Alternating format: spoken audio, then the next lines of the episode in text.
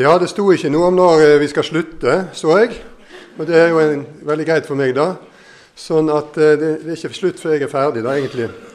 Men eh, offisielt, offisielt så har jeg hørt noe om klokken tre, men det står altså ikke på programmet. Men kan du si det slik at de som tror det er slutt klokken tre og må gå da, de kan gjøre det, og de andre vi kan fortsette her eventuelt utover. Så det er jo fordelen med å være siste taler. Det verken skal spises eller sies noe etterpå av andre.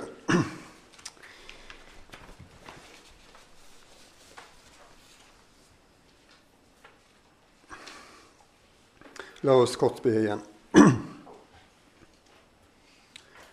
Ja, Herre, vi ber deg gjennom at uh, Ånden, din ånd, må virke på våre hjerter.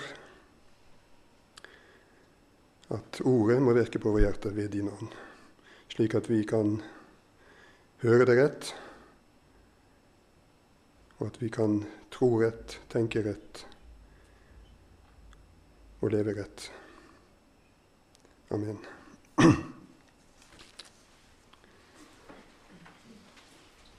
Dere skal være hellige. Det er igjen da et sitat som dere ser på programmet. Og eh, det er jo fra kapittel 1, som vi har vært innom før i dag som i Bibelselskapets oversettelse fra vers 13 av har fått overskriften 'Kall til et hellig liv'. Og Der er også denne formuleringen 'Dere skal være hellige', med den meget avgjørende begrunnelsen 'for jeg er hellig'. Jeg skal ikke begynne der. Jeg håper jeg skal slutte der, for å si det sånn, at jeg får med meg det. Men jeg skal begynne en litt annen ende. Og eh, vi er jo da inne i den type stoff som vi gjerne kaller med et fellesord for formaningene, det etiske materialet. Og det utgjør jo i 1. Peters brev en særdeles stor del av brevet. Eh, det er vel bare et annet skrift i Nytestamentet som i like stor grad er preget av formaninger som dette brevet, og det er Jakobs brev. Men det utgjør altså iallfall helt klart mesteparten, dvs. Si over 50% av stoffet. Antagelig noe sånt som mellom to tredjedeler eller tre femtedeler, litt forskjellige brøker på det. Men det utgjør en vesentlig del, og den største delen av det samlede stoffet i disse fem kapitlene. Det er etisk stoff, formaninger, som vi gjerne kaller det. Eh, og til en viss forskjell fra noen i alle fall, av de paulinske brev hvor formaningene gjerne kommer i fortettet form og konsentrert form mot slutten av brevene, så, så, er det da slik her at de er spredt utover i hele brevet.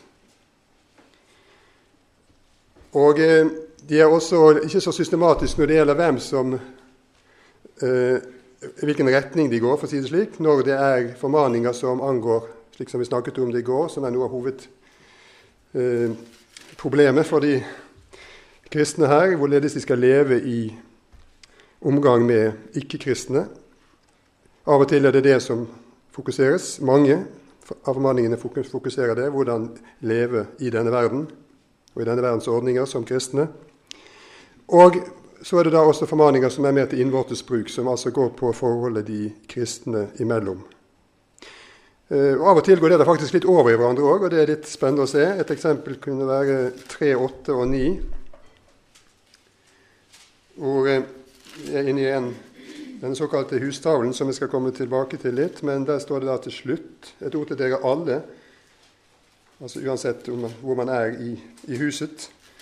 Um, så kommer da dette med å vise, ha samme stinn, vise medfølelse og søskenkjærlighet, hjertelag og ydmykhet. Og Det ser jo ut til å være formaninger inn i det kristne fellesskapet. Og Gjengjeld ikke ondt med ondt osv. Men så får det en utvidelse her, ser vi, at det går også da på noe som også gjelder forholdet til dem utenfor også. Det går litt av og til umerkelig over i hverandre, dette retningen, om det er innad eller utad. Nå er jo, som jeg sa i går, brevet forklart Peter skriver til slutt hvorfor han har skrevet dette. og Det er to ting han sier om hensikten. og Den ene er jo det som vi nå skal ha for oss, eh, nemlig at det er skrevet for å Ja, for å hva? Det kommer an på hvilken oversettelse dere har. Vi er altså i 5.12. Jeg har skrevet med hjelp fra Silvanus ja, ikke skrevet, det står det her. Nå står det sendt, men jeg skal ikke gå inn på det, hvorfor den forandringen er kommet. At han har fått ny jobb, Silvanus. Han er blitt omskolert fra sekretær til budbærer, postbud. Men det er en annen sak. Men iallfall så er det brevet har han skrevet, Peter, for å Så står det vel, hvis dere har norsk bibel, de fleste av dere kanskje ser her, så står det vel 'formane' der. Nå står det her i Bibelen 2011 så står det da 'for å oppmuntre dere'. Og Jeg må si litt om akkurat det der. Det er jo fordi vi har et ord som her i den greske grunnteksten som er på en måte det tekniske ordet, det som brukes oftest for det vi kaller formaninger, og som vi møter så sterkt særlig i de paulinske brev. Denne termen som på gresk heter parakalo. Og eh, hvordan skal den oversettes?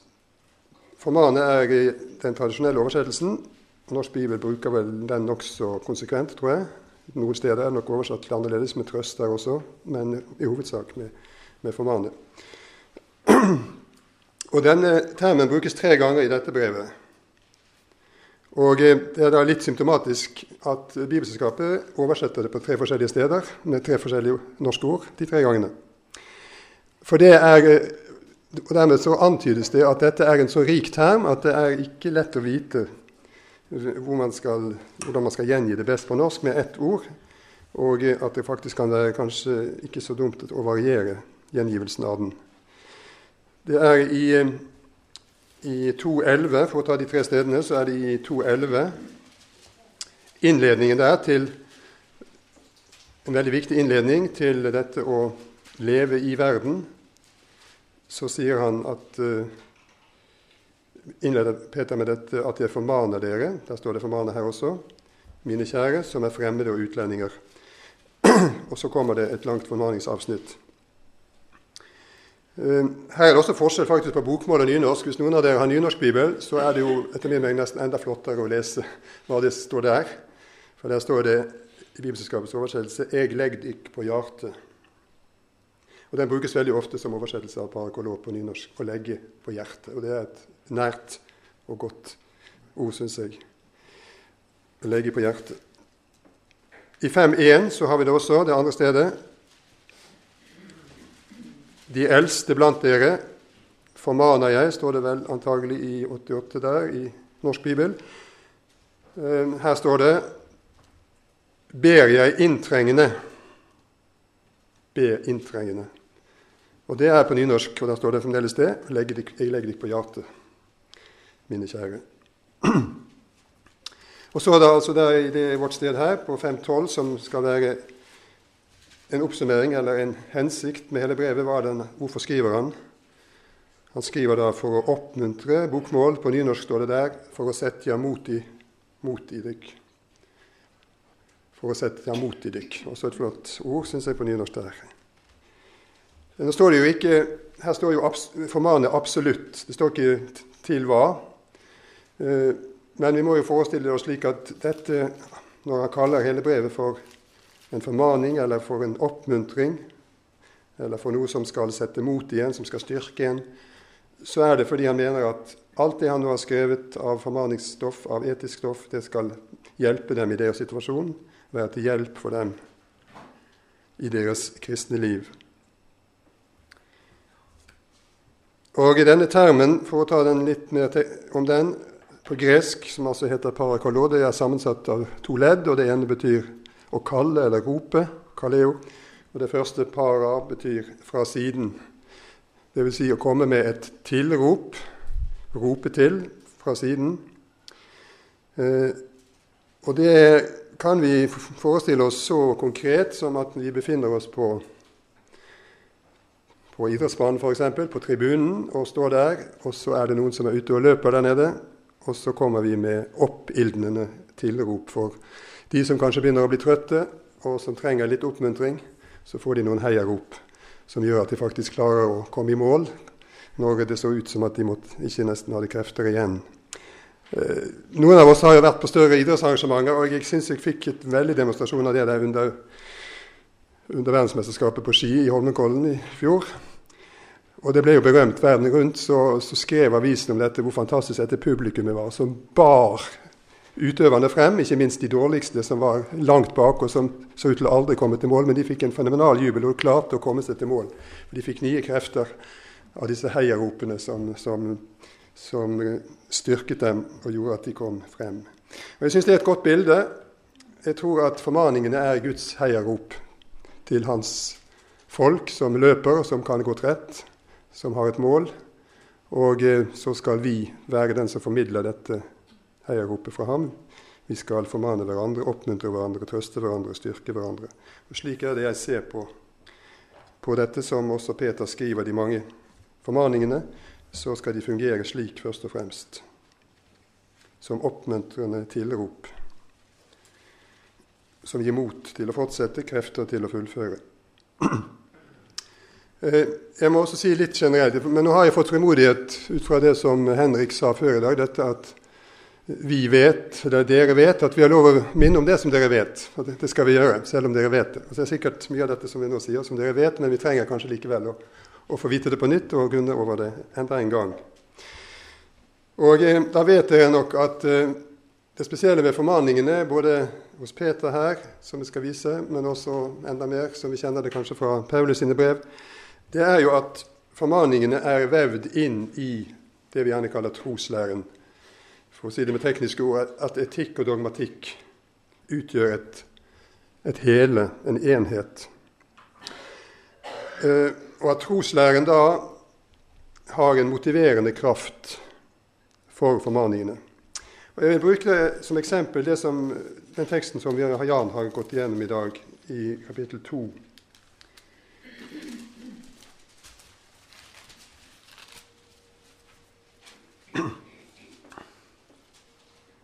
Der er det jo innledningsvis flere formaninger, som vi hørte. Kom til ham osv. Og, så og bli oppbygd til et åndelig hus, bli et hellig presteskap osv. En rekke formaninger der.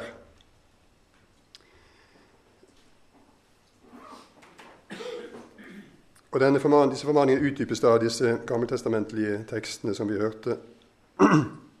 Men de siste to versene, versene 9 til 10, da minner altså Peter om at de kristne menigheten er allerede, som vi hørte, disse ærespredikatene fra Det gamle testamentet, Guds folk, kongelig presteskap. Eh, et hellig folk, et folk som Gud har vunnet, som det står i Bibelens oversettelse. Eiendomsfolk, et folk som Gud har vunnet. Eh, ja, og hva er det? Det er beskrivelse av hva de kristne er, hva de har i sin tro på Jesus Kristus. Og det er jo da det som er motiveringen for alle formaningene som har gått forut. Menigheten skal altså bli hva den er. Den er dette. Og eh, formaningene er da en konsekvens av dette. Jan minte jo for øvrig også fint at det ligger allerede inn, innbakt i, i dette å, å bli bygget opp til et åndelig hus, at det er Jesus Kristus, som egentlig er byggmesteren, som han minnet om der. Det ligger da også frelsesgrunnlaget for alt denne formaningen den ligger det innbakt i det. Og det er så typisk for, for alle formaninger at de er på en eller annen måte så er motivet for dette, basis for dette, det er i, i tekstene. Eller i forlengelsen, eller til å begynne med. Og eh, den, Det kommer til uttrykk med noen uskyldige små ord som vi kaller konjunksjoner i norsk grammatikk sånne små bindeord. Eh, og de er særdeles viktige da, i, i det, det, spørsmålet som vi har eh, foran oss her. For det begynner da og Vi skal bla litt nå, hvis dere har Bibelen foran dere. Det er ord som da altså, derfor, da, så, jo Slike små ord som, eh, som nettopp uttrykk for denne sammenvevningen av troslære av basis for formaningene og det, det etiske stoffet. Ehm, den aller første formaningen i dette brevet den står i vers 13. Og Den begynner da med et 'derfor'. Det er et meget vesentlig. Og Når vi sier 'derfor', så må vi jo med en gang spørre hvorfor. Hvorfor 1.13? Spenn derfor beltet om livet. Ja, det er en henvisning ikke bare til det som går umiddelbart foran i vers 12 her, men det er en henvisning til hele dette mektige avsnittet fra vers 3 i det første kapitlet, som henviser til adressatenes nye status, det som de er gjenfødt til, som henviser til deres nye eksistensvilkår. Og Her ser vi jo også at eh, noen av det som er sagt der, i utsagnsform, at det som de har del i, håpet bl.a., det blir her også sagt i formaningens form. Sett håpet fullt og fast i den nåde dere skal få. Det er håpet nevnt, og det håpet det har, vært omtalt i det foregående. Det er det som de er født til, dette håpet. Og så skal man sette håpet fullt og fast til nåden. Så denne strukturen den har vi altså så, så klart allerede i det første formanningsavsnittet her. Og vi kan bla videre til 1.23. For dere er født på ny. Ja, for. Hvorfor? Jo, for det er en formaning i vers 22. Elsk hverandre inderlig av et rent hjerte. Og hva er basis for det? Jo, fordi de er født på ny ved Guds levende ord. Det er begrunnelsen for det. Og i kapittel 2, vers 1.: Legg derfor bort all ondskap. Et nytt kapittel som begynner med 'derfor'. Ja, og vi må spørre hvorfor igjen. Fordi det virkekraftige og skapende evangeliet er forkynt for dem. Det er sammenhengen i slutten av kapittel 1. Fordi dette virkekraftige og skapende evangelieordet er forkynt, så skal de legge bort all ondskap, falskhet osv.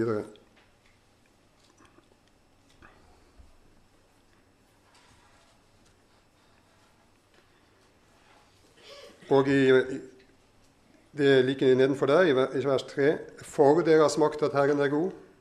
Som Jan minte om, hva det ligger i det.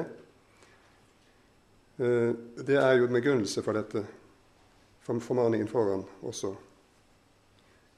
Så der er det, både, det ligger både forut for, legg derfor gå tilbake på det som er foran, og, og etterpå da får deres makt at Herren er god. En dobbel begrunnelse. Eh, så formaningen er altså stadig vekk innvevd i motiveringene. Og det lar seg derfor heller ikke alltid så klart, og skal heller ikke være et poeng, at man skal skille så sterkt mellom troslære og formaninger, men at dette altså går over i hverandre. Eh, det ligger også i slike ord som eh, Når eh, Peter sier da, som vi så det i 2.11, 'Jeg formaner dere som fremmede'. Ja, som fremmede. Da har vi lært det i går vel, forhåpentlig, at fremmede er noe de er utvalgt til. Det ligger i og med deres utvelgelse. Så er de fremmede. Og det er altså basisen for dette, at de er utvalgt til å være fremmede. Og Der ligger det på en måte, Vi kaller dette indikative. Der ligger påstanden som er basis for eh, imperativen, for formaningen, oppfordringen. Jeg formaner dere som. Og Det er flere slike steder hvor det er eh, et som, 1.14. Som lydige barn skal dere ikke lenger la dere lede. Altså som lydige barn, ja, hva er det? Jo, Det er en henvisning til at de, denne lydighet som det er snakk om her, den er de jo, som det står i 1 To, den er de innviet til ved Ånden. Det er Åndens gave, denne lydigheten. Det er den det vises til. Når de kalles lydige barn, så er det noe som Ånden har innviet dem til. Det er indikativet, som vi sier. Det ligger i selve tiltalen som, som lydige barn.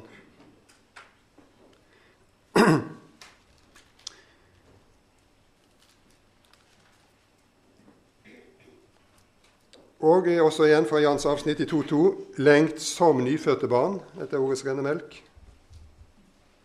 Som nyfødte barn. Det er jo en henvisning til hva som er skjedd med dem, at de er født på ny. Og det er basis for, for denne oppfordringen om å lengte etter ordets rene melk, som det nå heter i oversettelsen her. Litt annerledes enn norsk bibel. Ordets rene melk. Og lengselen etter denne oppfordringen, det kan de, den lengselen er på bakgrunn av at de er jo nyfødte, nyfødte barn. Ja, det skulle vel den spikeren være slått godt nok inn, at eh, formaningen altså og motiveringen motiveringene, troslæren, hvor dette er koblet sammen.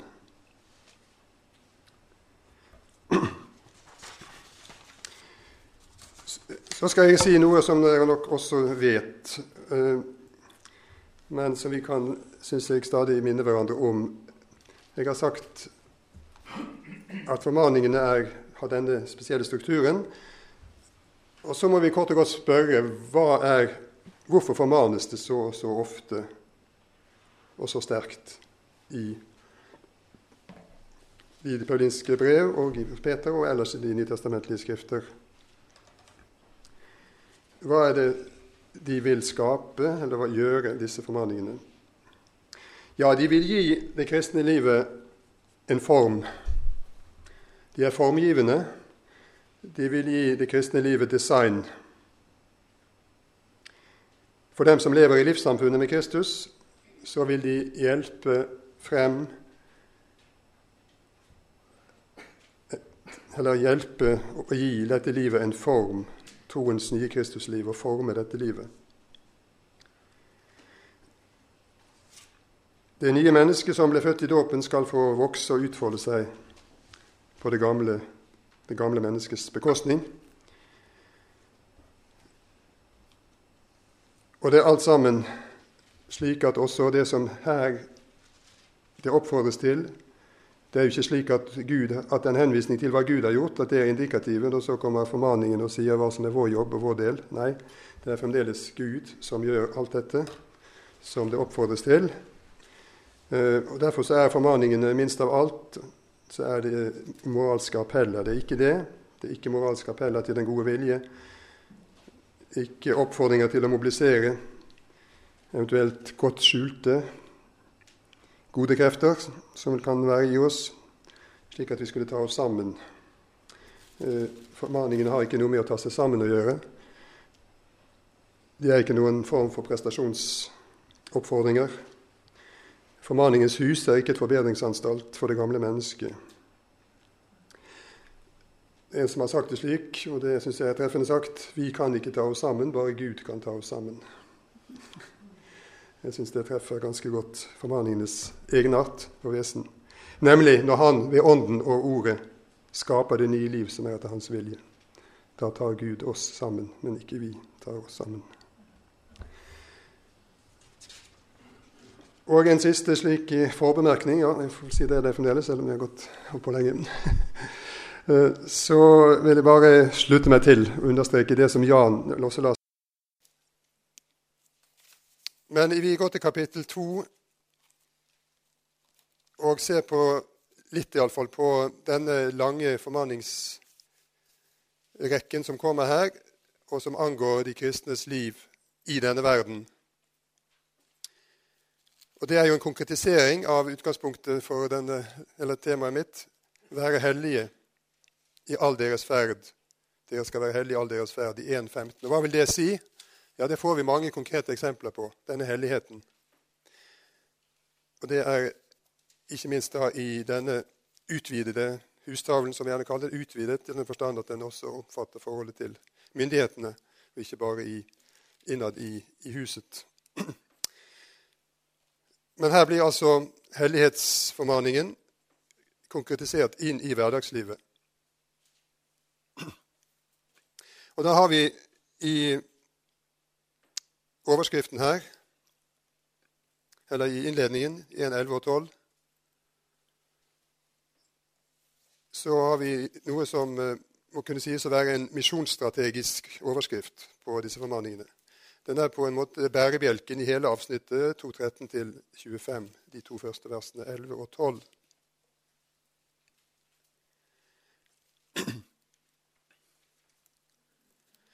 Der er det først en negativ formaning om å sky lystene som kommer fra deres kjøtt og blod, og som fører krig mot sjelen. Veldig sterkt utsagn om eh, hvilken makt de onde lyster har, hvor de kommer fra, og hva de vil. De vil gå til krig. De ligger i krig mot vår sjel. Sterk, sterk språkbruk.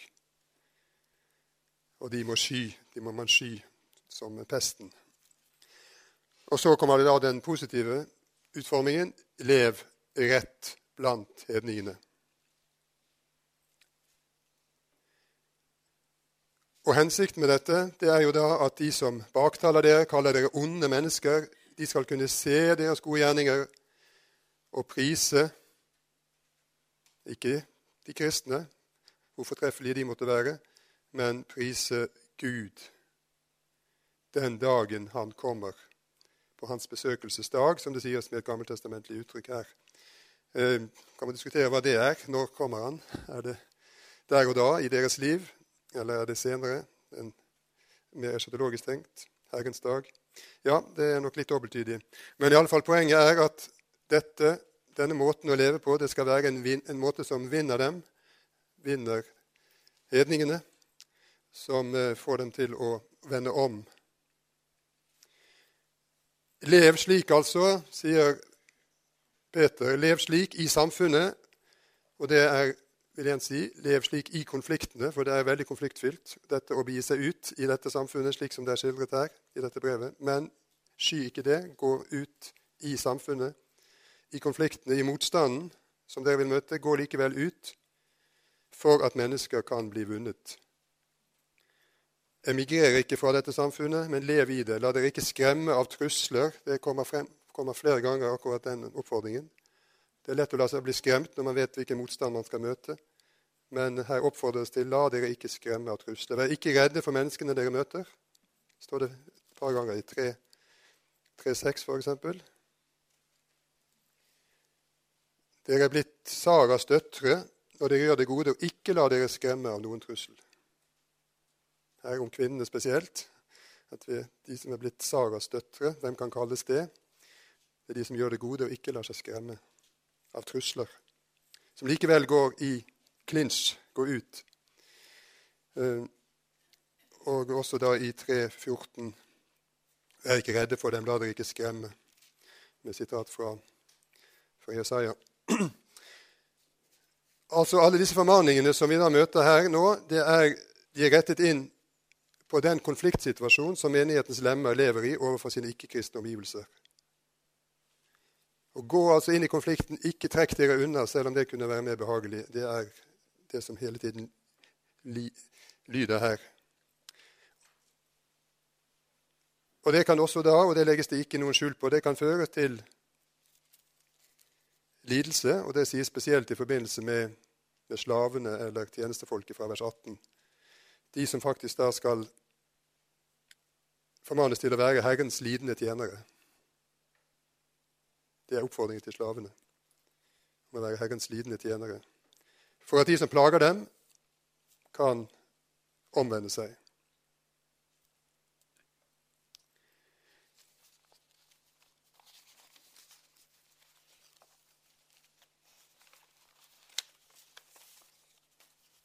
Jeg skal si litt om den første formaningen, til, som er altså til det å forholde seg til myndigheter, til øvrigheten. Jeg tror det er særdeles viktige ting nettopp inn i vår situasjon, i vårt norske samfunn, faktisk, å hente ut av hvordan den lyder i denne sammenhengen.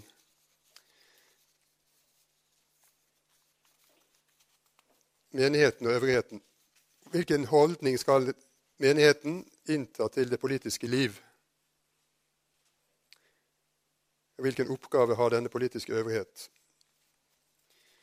Det er snakk om da å underordne seg disse, denne myndighet. Underordne seg eller rett, rette seg etter enhver myndighet blant menneskene, kunne man nesten også oversette det her. Eh, det er å gå inn under en ordning som ligger i dette ordet underordning. Innordne seg. En bestemt ordning. Og Formaningen oppfordrer altså de kristne da til å, være, til å bli værende på sin plass i datidens politiske ordning av samfunnet. De skal innordne seg eller rette seg etter den øvrighet som finnes, enten det nå er keiseren Det står vel kongen i, i norsk bibel, tror jeg, men det står keiseren her, og begge deler er riktig. kongen passer enda bedre på norsk sammenheng, bortsett fra at kongen har ikke så mye han skulle sagt lenger. da. Men eh, i alle fall så er det snakk om den øverste myndighet. Og de som er under landshøvdingene, det er vel fylkesmennene, det er noe sånt i dag i Norge. Og Det motsatte vil jo da være nettopp å skille seg ut fra samfunnet. Og det er den fristelsen som altså forfatteren og Peter her stadig advarer mot. Det kunne være mye mer behagelig. En menighet som stadig blir diskriminert, som blir truet. Det ville vært mye behagelig å trekke seg tilbake til sine egne trygge sirkler. Men eh, det er nettopp det formaningen her i vers 13 og 14 vil forhindre en slik verdensflukt. Og eh, når Peter da gir en slik formaning som å rette seg etter den politiske ordning i samfunnet, så er det jo fordi han ser på øvrigheten som en nødvendig ordning innsatt av Gud. Det er en litt finurlig formulering her i vers 13. Det står at de skal underordne seg enhver myndighet blant menneskene. Det har en dobbel betydning i forhold til den greske grunnteksten. Det er på den ene side enhver ordning som mennesker har etablert. Men det er på den annen side også enhver ordning som Gud har skapt blant menneskene.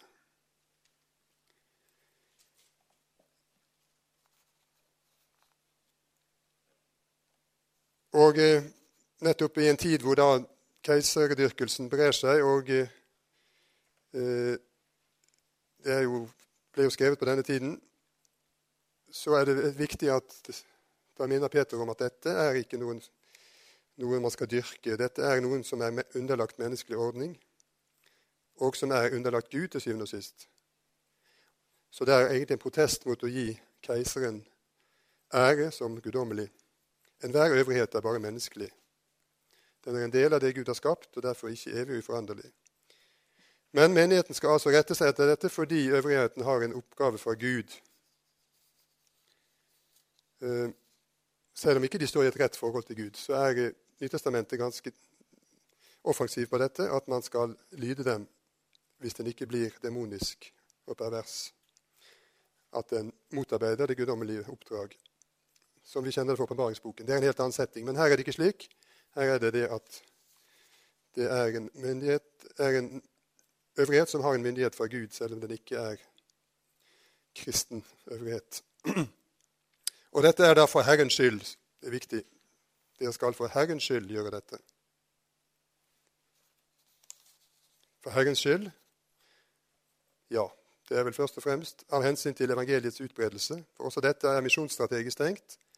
Hvorledes kan vi leve i og med i denne politiske ordning på en måte som, som også gjør at evangeliets utbredelse får at det ikke legger hindringer, unødige hindringer i veien for evangelieforkynnelsen. Men så står det da at eh, Det er en interessant liten kommentar. da. Dere er frie, vers 16. Plutselig er det tale om den kristne frihet der. På en måte som minner for øvrig veldig om det Paulus sier i Galaterbrevet 5.13. er det vel? At man ikke må misbruke likevel denne friheten som et påskudd til noe annet, nemlig til å gjøre det onde men friheten skal brukes til å tjene Gud. Eh, og Da sier vel Peter, ut fra det han ellers sier i dette brevet, at vi, ikke, vi skal ikke bruke friheten på den måten at uh, vi sier at vårt egentlige hjemland det er jo himmelen. Vi er på vei dit, og denne verden får klare seg så best den kan. Vi kan vel trekke oss ut og la verden seile sin egen sjø. Nei, vi kan ikke det, sier Peter. Vi må ikke, vi ikke, vår frihet er ikke på den måten.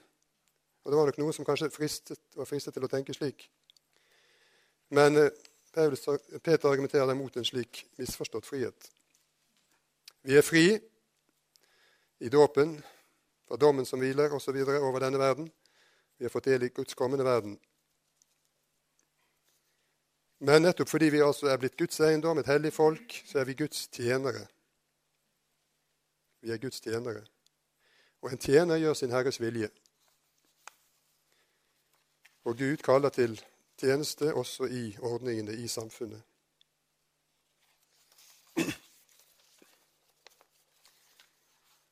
Til eh, denne formaningen om eh, de eh,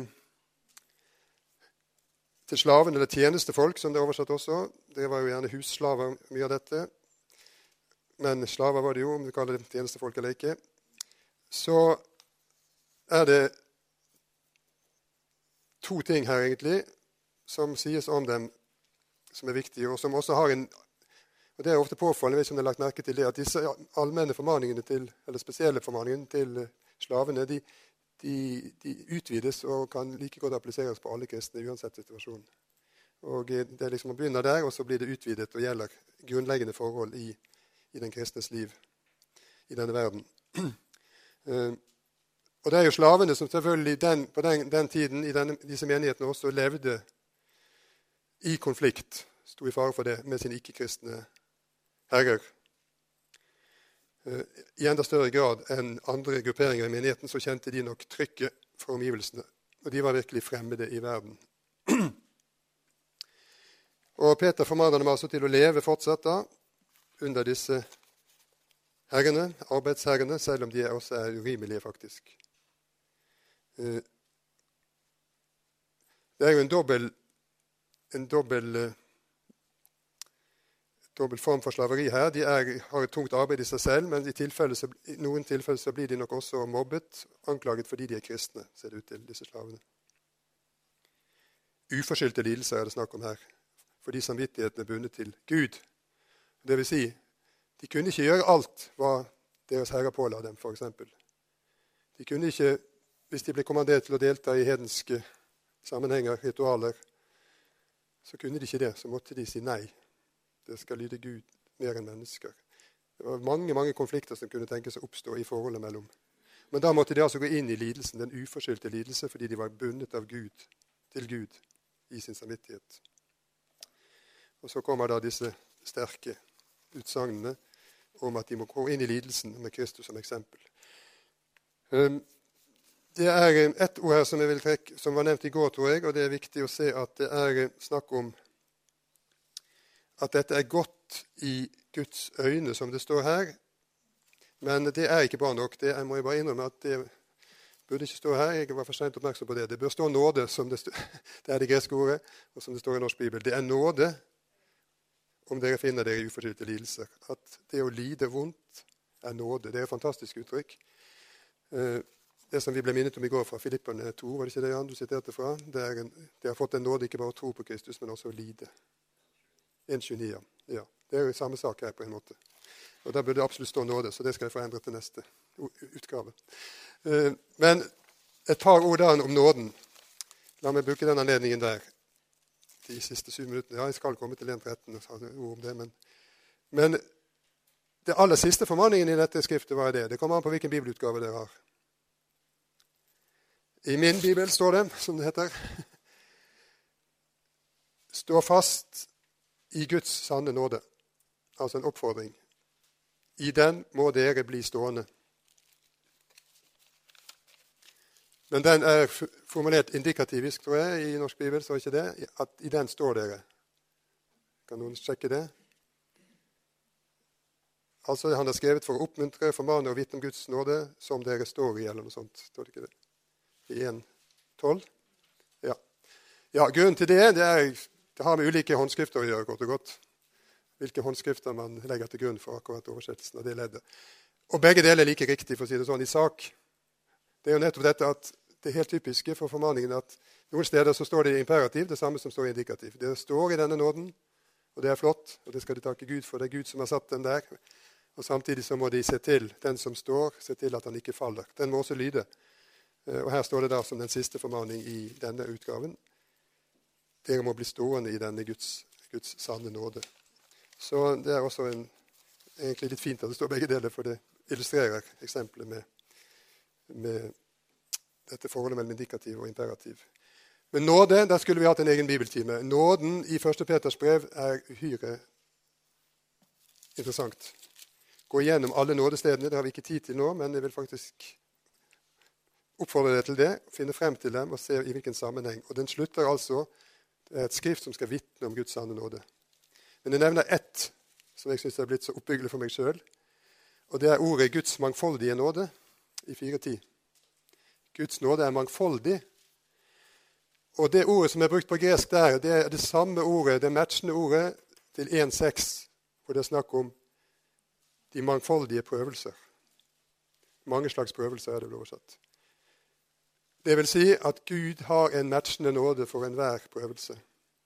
Hans nåde er mangfoldig. Til enhver prøvelse, hvordan den måtte være, så er det en nåde som matcher. Og Det er fantastisk flott å tenke på. For hver særskilt dag med særskilt nåd er det ikke noe slikt Lina Sandell skriver om i sin kjente salm? Og Det er akkurat dette. Det er en mangfoldig nåde. Den er, det er en nåde for enhver prøvelse, enhver situasjon i livet. Så kan Gud vise sin nåde. Og Derfor er han også all nådes Gud. 5.10. All nådes Gud. Det er et veldig sterkt uttrykk. Ja, det, var en veldig kort utgave av det.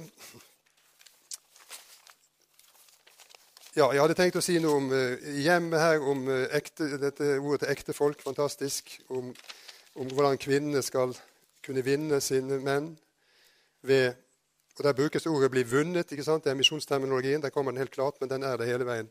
Hvordan de skal bli vunnet ved sin kones livsførsel 3.1. Eh, men det kan jeg ikke. Jeg skal ta de siste minuttene da tilbake til eller ikke tilbake til, men til utgangspunktet i 1.13. Avsnittet der.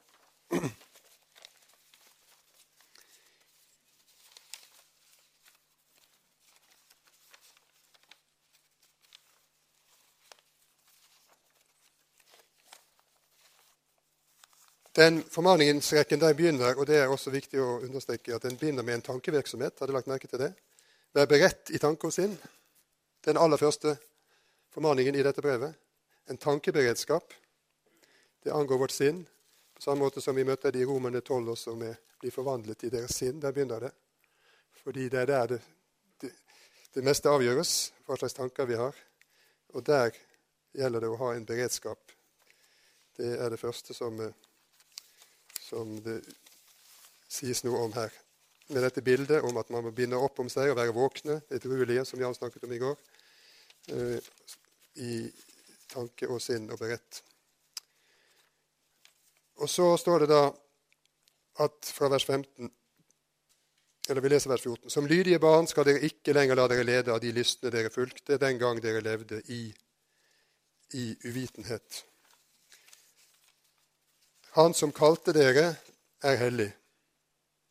Slik skal også dere være hellige i all deres ferd. I all deres ferd.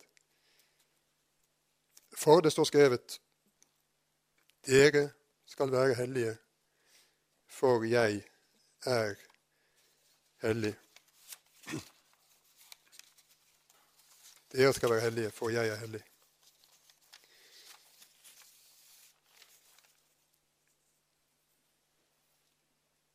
Hvis dette leses isolert, dere skal være hellige, så er jo kravet meningsløst på en måte.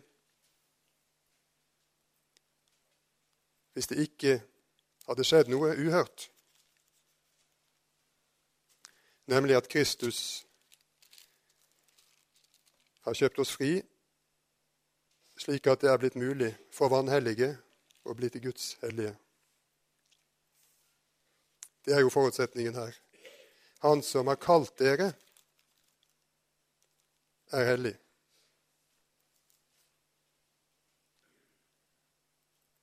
Slik skal også dere være hellige i all deres ferd. Og Da er vi kanskje en tradisjon i norsk eh, kristenhet mulighet også at man er litt forsiktig med dette ordet hellig. Kan vi virkelig kalle oss hellige? Vi i FBB, vi i DELK, Går vi rundt og kaller hverandre hellige? Nei, vi, vi syns det er litt voldsomt. Eh, vi pleier å skynde oss, iallfall hvis vi, vi hører noe sånt, og tilføye at ja, vi er kanskje hellige, men, men, men ikke annerledes enn andre. Ikke så mye annerledes, i hvert fall. Og så videre. Vi tar visse forbehold. Men det må vi ikke gjøre. Paulus skriver til de hellige i Korint. Med alle deres skavanker og problemer og synder, så kaller han dem faktisk likevel tross alt hellige. Fordi, ene og alene fordi de tilhører Jesus Kristus, er hans eiendom, er utskilt og innviet, som det ligger i hellighetsbegrepet. Så det må vi holde høyt. Og Det sies jo egentlig også som noe selvsagt her. Det er ikke noen unnskyldning. som noe helt selvsagt. Det står skrevet dere skal være hellige, for jeg er hellig. Og Han som kalte dere, det er jo også nøkkelen her. Han kaller til, han utvelger til hellighet, til et hellig liv innvier oss til å være lydige, renser oss ved Jesu Kristi blod, som er hilsenen i 1.1. Alt dette er med å gjøre oss til et hellig folk, til Guds hellige folk.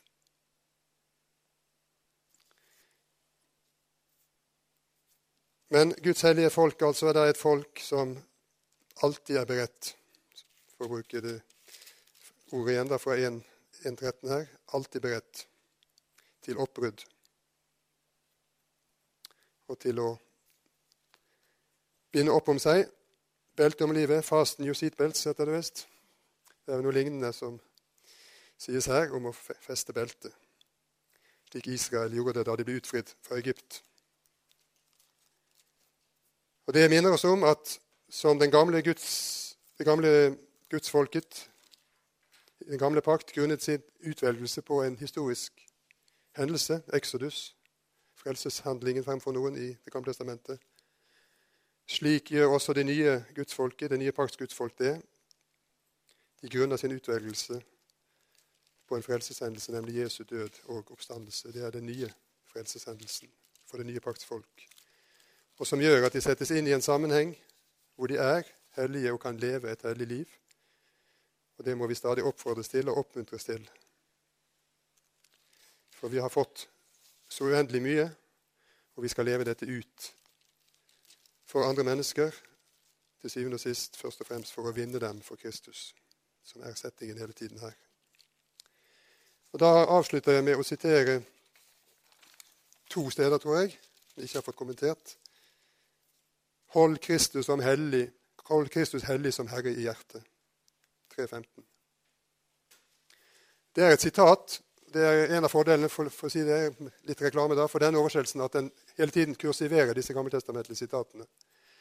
Og I dette verset 3.15 så står det 'Men hold hellig som Herre'. Det er kursivert. Og så kommer det ikke kursivert Kristus. Det står nok ikke direkte i Jesaja-teksten. Det står Gud der. Og heller ikke i hjertet. Det er liksom tilføyelsen her. At vi skal holde Kristus hellig i våre hjerter.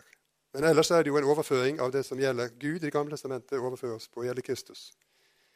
Hold Kristus hellig som Herre. Hellig hold Kristus i hjertet. Det er formaningen for Guds folk. Der starter det i hjertet, og så skal det leves ut i de sammenhenger der vi er, og hvor vi har, er blitt satt. Og vi skal gå ut på tross av hva det måtte koste. Og Det andre er at det tales om den kristne livsførsel i Kristus. Det er 3.16. I Kristus det er veldig sjelden at vi møter det ordet utenfor Paulus. Det er hans spesialitet. Han har det vel 160 ganger i Herren eller i Kristus. Og det er nesten en paulinsk spesialitet. Men Peter har det et par steder. Og den nye livsførselen som dette brevet taler så sterkt og mye om, den har vi altså. Den gode livsførsel som vi skal ha, den er i Kristus. Dvs. Si i fellesskapet med Kristus fordi vi er bundet til Kristus og lever vårt liv i Kristus. Alt dette som ligger i denne formelen i Kristus. Så er det i ham vi fører et slikt liv som er etter Guds vilje. Da vil de som baktaler dere for deres gode livsførsel i Kristus, bli gjort til skamme. Og Det er påfallende Vi snakket om at vi kanskje bare møter motgang. Men altså, Peter ser ut til å være litt optimistisk også. At det er mulig å stoppe munnen på som han sier et annet sted, på disse som baktaler. Det er mulig å gjøre dem til skamme med sine beskyldninger. At de kommer til erkjennelse og til omvendelse, slik at de kan prise Gud den dagen han kommer til dem likevel. Det, så han, har, han, har ikke, han, er ikke defensiv. Han sier ikke at det er helt forgjeves å gå ut. Nei, vi skal, vi skal ha tro på at vi også kan vinne selv de mest gjenstridige, for evangeliet hvis vi holder ut, og hvis vår gode livsførsel er i Kristus, og hvis vi helliger Kristus som Herre i våre hjerter. Og For dette så sier vi ære være Faderen og Sønnen og Den ånd, som var, er og blir en sann Gud fra evighet og til evighet. Og vi lover å prise ditt navn, Herre, og takker deg for all din godhet imot oss må du være med oss når vi nå går herfra. Og la det vi har fått oppleve og vært med på i disse timene i går og i dag, la det være ord som vi tar vare på i våre hjerter, og vi grunner på at de får fortsette å virke i oss og med oss. Vær du med den enkelte av oss resten av denne dagen, og gi oss en god helg hvor vi får lov å være sammen om ditt ord og dine gaver i sakramentene, og styrkes i vår tro, i vårt håp og i vår kjærlighet. Ja, da gikk dere ikke, selv om klokken er fem over. Det var snilt. Syv over, ok.